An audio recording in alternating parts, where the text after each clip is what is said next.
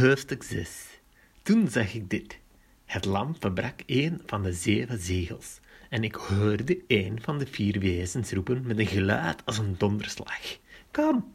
Ik zag dit. Een wit paard met een ruiter die een boog, die een boog droeg. Hij kreeg een zegekrans en trok op als een overwinnaar. De overwinning tegemoet. Toen het lam het tweede zegel verbrak, hoorde ik het tweede wezen zeggen: Kom! Er verscheen een ander vuurrood paard. De ruiter kreeg de opdracht om de vrede uit de wereld te verdrijven, zodat men elkaar zou afslachten. Hij kreeg een groot zwaard. Toen het derde zegel werd verbroken, hoorde ik het derde wezen zeggen: Kom! Ik zag dit, een zwart paard met een ruiter die een weegschaal in zijn hand hield. Te midden van de vier wezens hoorde ik iets als een stem zeggen: Een dagloon voor een portie tarwe en hetzelfde bedrag voor drie porties gerst, maar laat wijn en olijfolie ongemoeid. Toen het vierde zegel werd verbroken, hoorde ik het vierde wezen zeggen: Kom. Toen zag ik een walgeel plaat.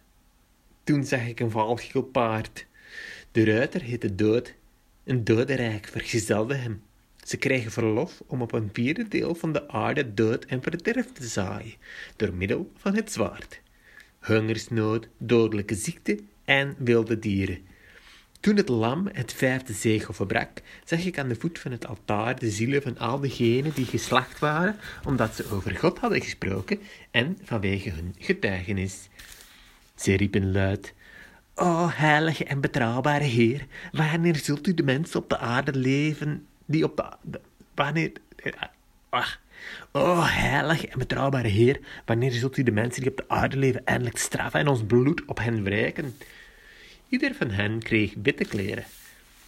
Verder werd hun gezegd toch een korte tijd geduld te hebben, totdat ook de andere dienaren, hun broeders en zusters die net zoals zij zouden worden gedood, zich bij hen gevoegd zouden hebben.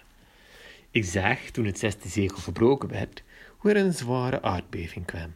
De zon werd zwart als een rouwkleed, en de maan werd bloedrood. De sterren vielen op de aarde, zoals late vijgen die door een stormwind van de boom worden gerukt. De hemel scheurde los en rolde zich op als een boekrol. De hemel scheurde los en rolde zich als een boekrol op. Geen berg of eiland bleef op zijn plaats. Koningen, machthebbers, legeraanvoerders, rijken, aanzienlijken, slaven en vrije mensen. Iedereen trachtte zich te verbergen in grotten en tussen rotsen in de bergen. Ze riepen de bergen en de rotsen toe: Val op ons neer, verberg ons voor het oog van hem die op de troon zit en voor de toorn van het lam. Want nu is de grote dag van hun toorn aangebroken. En wie kan die doorstaan?